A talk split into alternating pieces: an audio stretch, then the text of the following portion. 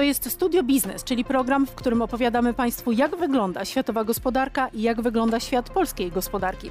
Karolina Chytrek-Prosiecka, Zaczynamy. A Państwa i moim gościem jest zadumany pan Jakub Borowski, główny ekonomista Credit Agricole SGH. Dzień dobry. Dzień dobry. E, No to zacz, zaczęłabym od tej niekończącej się historii związanej z inflacją, bo wszyscy się tak ucieszyliśmy, że ona spada, oczywiście w wyniku statystycznym. E, No ale jak pokazują dane NBP, a także jednego z ekonomistów, skumulowana inflacja przez następne e, trzy lata, no to to jest prawie 50%. No tu musimy zawsze z ostrożnością podchodzić do takich spekulacji, bo to się zawsze opiera na prognozach. No, jeżeli uznamy, że ta prognoza jest trafna, tak, czyli jest taka perfekcyjna trafność, to, y, to wtedy możemy oczywiście takie, takie konstrukcje budować.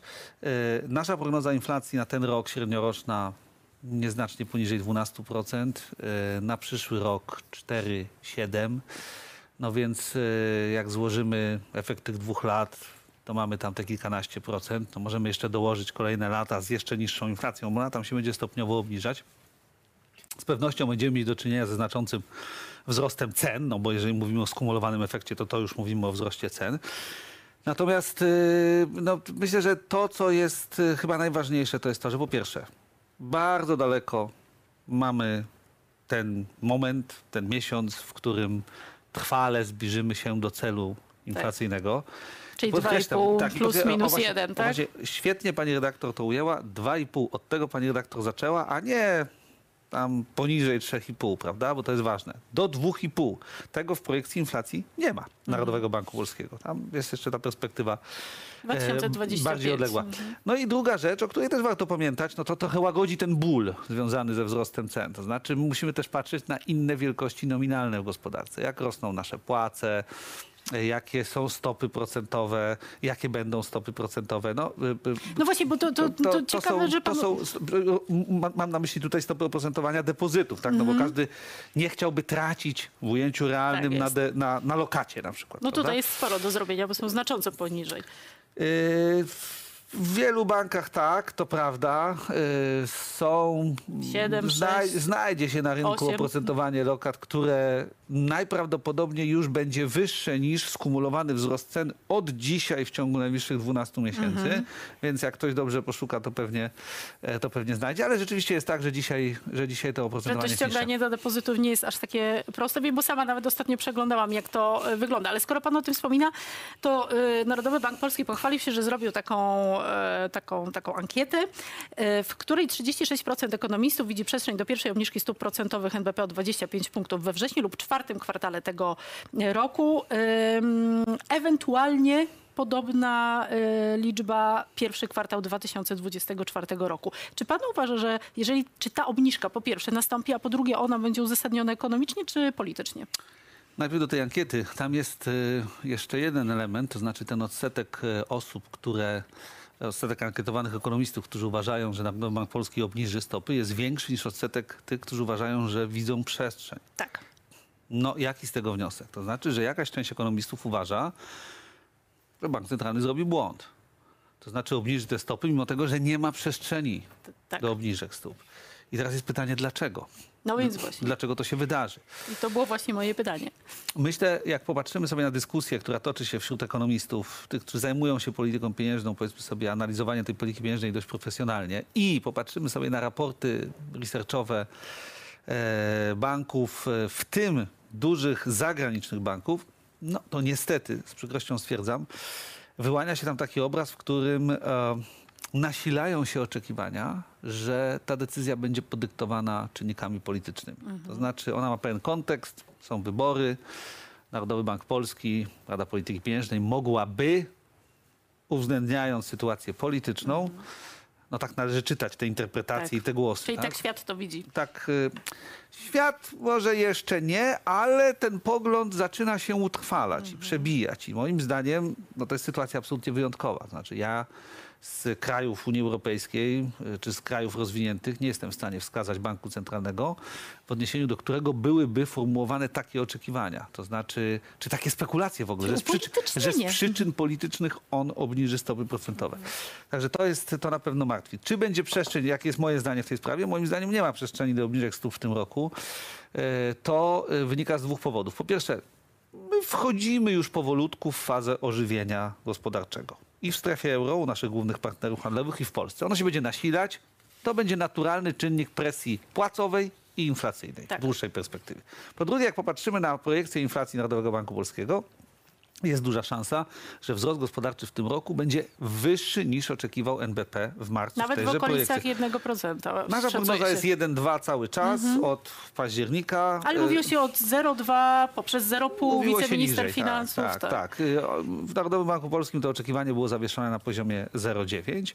No i jak popatrzymy na to, kiedy ta inflacja wraca do celu, to jest tak odległy okres, bo w zasadzie to jest poza 2025, no że tutaj nie ma przestrzeni do obniżania stóp, biorąc pod uwagę te wszystkie czynniki, które wymieniłem.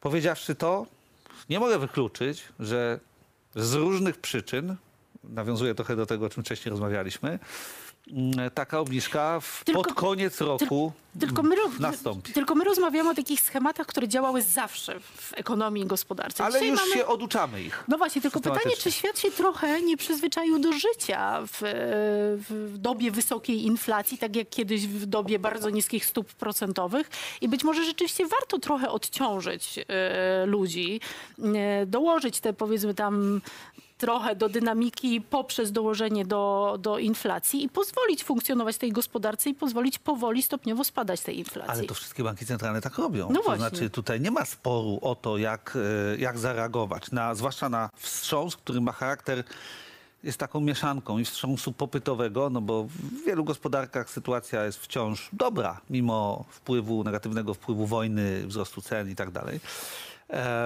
A w Polsce też nazwałby pan ją jako dobrą, bo mamy dane z, e, tak, z GUS-u, tak?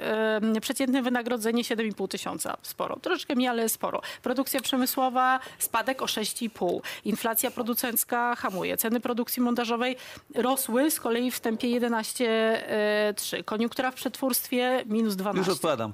W sensie dynamicznym ta sytuacja jest trudna. Dynamicznym, e, patrząc na przykład na to, co się dzieje z wynagrodzeniami Tak. e, w Polsce. One spadają w ujęciu realnym. To oznacza, że siła nabywcza naszych dochodów do dyspozycji spada e, i w tym sensie trudno nazwać taką sytuację dobrą. Ale z drugiej strony sytuacja na rynku pracy jest bardzo dobra. Na rynku pracy mamy do czynienia z tak zwanym napięciem, czyli mamy e, wciąż wysoką liczbę, wysoki odsetek wakatów. Firmy nadal szukają pracowników, których znaleźć nie mogą. Bezrobocie jest niskie i takie pozostanie. E, Z tego punktu widzenia, no dlatego żeśmy określili to mianem miękkiego lądowania jeszcze pół, ponad pół roku temu. Powiedzieliśmy, jak prognozowaliśmy sytuację gospodarczą, że gospodarka miękko wyląduje i ona ląduje miękko, więc w tym sensie no, ta sytuacja nie jest zła. Ona jest przyzwoita. E, e, Do dobrej brakuje oczywiście niskiej i stabilnej inflacji, to jest jasne. Także przestrzeni do obniżek stóp moim zdaniem nie będzie w najbliższych, w najbliższych kwartałach, bo to by oznaczało, że w sytuacji, w której inflacja jest znacząco powyżej celu inflacyjnego i do tego celu się jeszcze długo nie zbliży, no bank centralny Ale uznaje, że, że, że wygrał tę te, tę bitwę e, i, i w związku z tym e, obniża e, koszt pieniądza. Także Ale tak pana widzę. zdaniem NBP toleruje wysoką inflację? A jeśli tak, to dlaczego? Narodowy Bank Polski uznaje, podobnie jak inne banki centralne, i tutaj jest pewna zgodność, za chwilę pokażę, gdzie jej nie ma, uznaje, że w warunkach takiego wstrząsu nie należy inflacji zbyt szybko sprowadzać do celu, ponieważ to by oznaczało zmienność warunków gospodarowania. To by de facto oznaczało, że spowolnienie wzrostu gospodarczego będzie głębsze, Tak. pogorszenie sytuacji finansowej gospodarstw domowych będzie głębsze i tak dalej. I to w zasadzie robią wszystkie banki centralne. Mhm. Europejski Bank Centralny, Rezerwa Federalna też nie, e, Nie obsesyjnie, tak. obsesyjnie nie zwalczają tej inflacji, nie chcą jej błyskawicznie, szybko sprowadzić do, do celu. Natomiast jest pytanie, jak długo my chcemy tę inflację sprowadzać Mhm. do tego celu. I tu już każdy musi rozstrzygnąć, e, na ile koszt w postaci utrwalania się wyższych oczekiwań inflacyjnych i w związku z tym podnoszący się stopniowo koszt zbijania tej inflacji w przyszłości i negatywne efekty podwyższonej inflacji dla wzrostu gospodarczego, bo one są, bo podwyższona inflacja generuje niepewność dotyczącą tego, jak będą się kształtowały ceny, produ- ceny produktów, które my wytwarzamy jako firma, naszej konkurencji i tak dalej, i tak. Można by było długo mówić o niekorzystnych efektach takiej podwyższonej e, inflacji. Mo- I tutaj to już, to już każdy ekonomista musi rozstrzygnąć, bo tu nie ma jednej odpowiedzi na to, jak szybko schodzić z inflacją do celu. W mojej ocenie sytuacja, w której będziemy schodzić z nią do 2026 jest trudna do zaakceptowania. Uważam, że to się powinno wydarzyć szybciej. E, patrząc od dzisiaj, no powiedzmy sobie w horyzoncie, w horyzoncie dwóch lat, No projekcja chyba jest 2025, a MFW chyba szacował 2027, jeśli Yy, dobrze pamiętam. No więc y, jak, nawet, nawet jeżeli punktem wyjścia jest projekcja, to tak czy inaczej to raczej 2026. Wydaje mi się, że to jest zbyt długo. My jesteśmy w połowie 2023. Dodajmy nawet więcej niż wynika to z y, najsilniejszego wpływu polityki pieniężnej na gospodarkę. On się dokonuje, jak wiemy, z dużym opóźnieniem. Nie wiem, przyjmijmy sześciokwartalnym. Dodajmy trochę więcej, dodajmy dwa lata. To oznacza, że jesteśmy w połowie 2025. I w tej połowie 2025 moim zdaniem ta inflacja w celu już powinna być. W świetle projekcji nie będzie. A pana przeraża, jak pan słyszy o tych wszystkich zapowiedziach e, kampanijnych, bo prezes Narodowego Banku Polskiego też się do tego odniósł. E, Wyliczył, że to aż tak bardzo do inflacji nie, nie dołoży, mm, e, chociażby sama waloryzacja 800, przy czym powiedział, że bardziej obietnice PO się przyłożą do wzrostu inflacji niż PiSu. Czy prezes w ogóle powinien zabierać głos w kampanii wyborczej? Bo to już jest de facto prekampania, ale kampania. Najpierw spójrzmy na to globalnie. Takie rzeczy co do zasady się nie dzieją. Nie znam banku centralnego, który by przedstawił takie wyliczenia, komentując e, skutki fiskalne, e, popytowe, nawet inflacyjne, bo to bank centralny oczywiście interesuje z natury rzeczy, e, różnych propozycji zgłaszanych przez partie polityczne. No to jednak rodzi ryzyko uwikłania banku centralnego w e, kampanię wyborczą. Tu nie ma, tak. tu nie ma, tu nie ma, tu nie ma wątpliwości. No powstaje pytanie, no dobrze, no ale czy to, czy bank centralny w takiej sytuacji nie powinien wszystkich propozycji oceniać? No jest jeszcze kilka partii politycznych, które będą to kandydować, znaczy Składać startować w wyborach, propozycje, tak? I składać propozycje. No i teraz y, co, wszystkie będziemy oceniać, przy jakich założeniach? Y, Dam tylko przykład. RAF, na które y, y, bank centralny może wpaść, y, przygotowując takie analizy. No na przykład to podniesienie kwoty wolnej, które zaproponował Donald Tusk. No oczywiście ono jest kosztowne, tak? To jest Tak, duży tak, koszt dla tak. finansów Bardzo publicznych. duży. Ale teraz tak, a w jakim wariancie my będziemy to szacować? A może ja nie czytam w myślach Donalda Tuska, ale, ale może on zakłada, że do tego dojdziemy stopniowo, w ciągu czterech lat, w ciągu całej kadencji. Wtedy wymiar fiskalny, rozkłada. wpływ na popyt, wpływ na inflację jest zupełnie inny. E, I teraz tak, czy to oznacza, że bank centralny powinien przeprowadzać analizę wariantową, a przy jakich założeniach? No to jest sprzeczne nawet Czy powinien tym... zadzwonić pan prezes Glapiński do, presa, do, do premiera Tuska i zapytać go, panie premierze, ale co dokładnie pan miał na myśli, bo chcielibyśmy to policzyć. Chciałabym sobie to wyobrazić. No to y, no, zabrniemy za daleko. Znaczy to no nawet więc- jest chyba sprzeczne z tym, o czym mówi pan prezes, przedstawiając projekcję inflacji, że ona jest w konkretnych warunkach e, robiona, a tutaj robimy bez tych konkretnych warunków.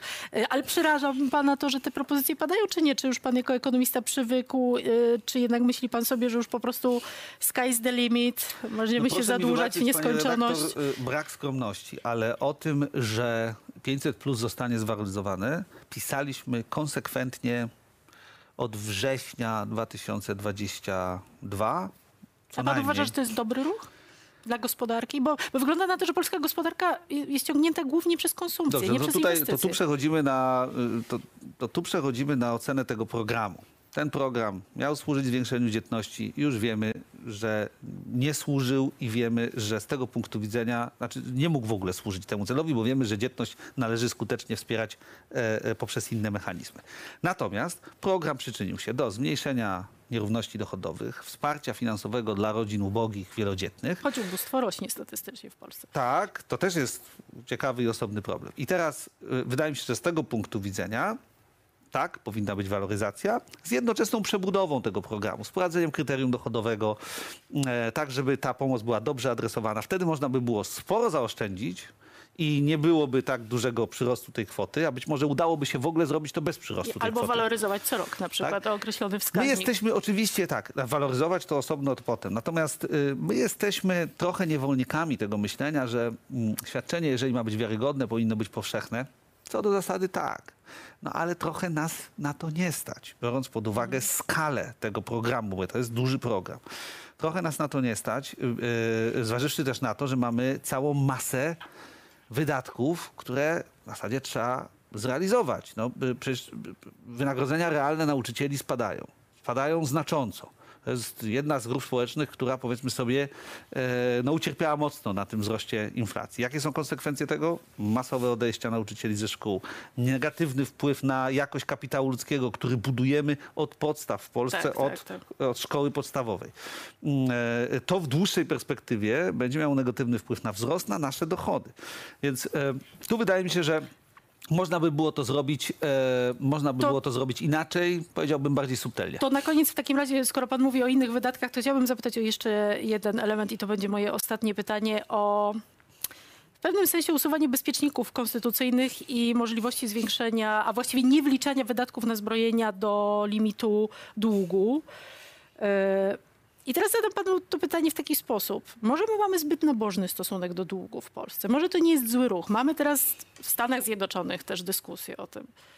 Ta dyskusja w Stanach Zjednoczonych, ona jest, to jest troszkę inna dyskusja, bo ona mniej dotyczy samego poziomu długu, takich kon- konstytucyjnych limitów czy relacji do PKB, a bardziej takiego sporu politycznego, jak bardzo go zwiększać e, Ale pomiędzy 1 czerwca. Ameryka może być nieczynna. Już to przerabialiśmy No kiedyś. tak, ale to regularnie przerabiamy i, i prawdopodobnie będzie jakiś tam last minute Tak. deal, tak?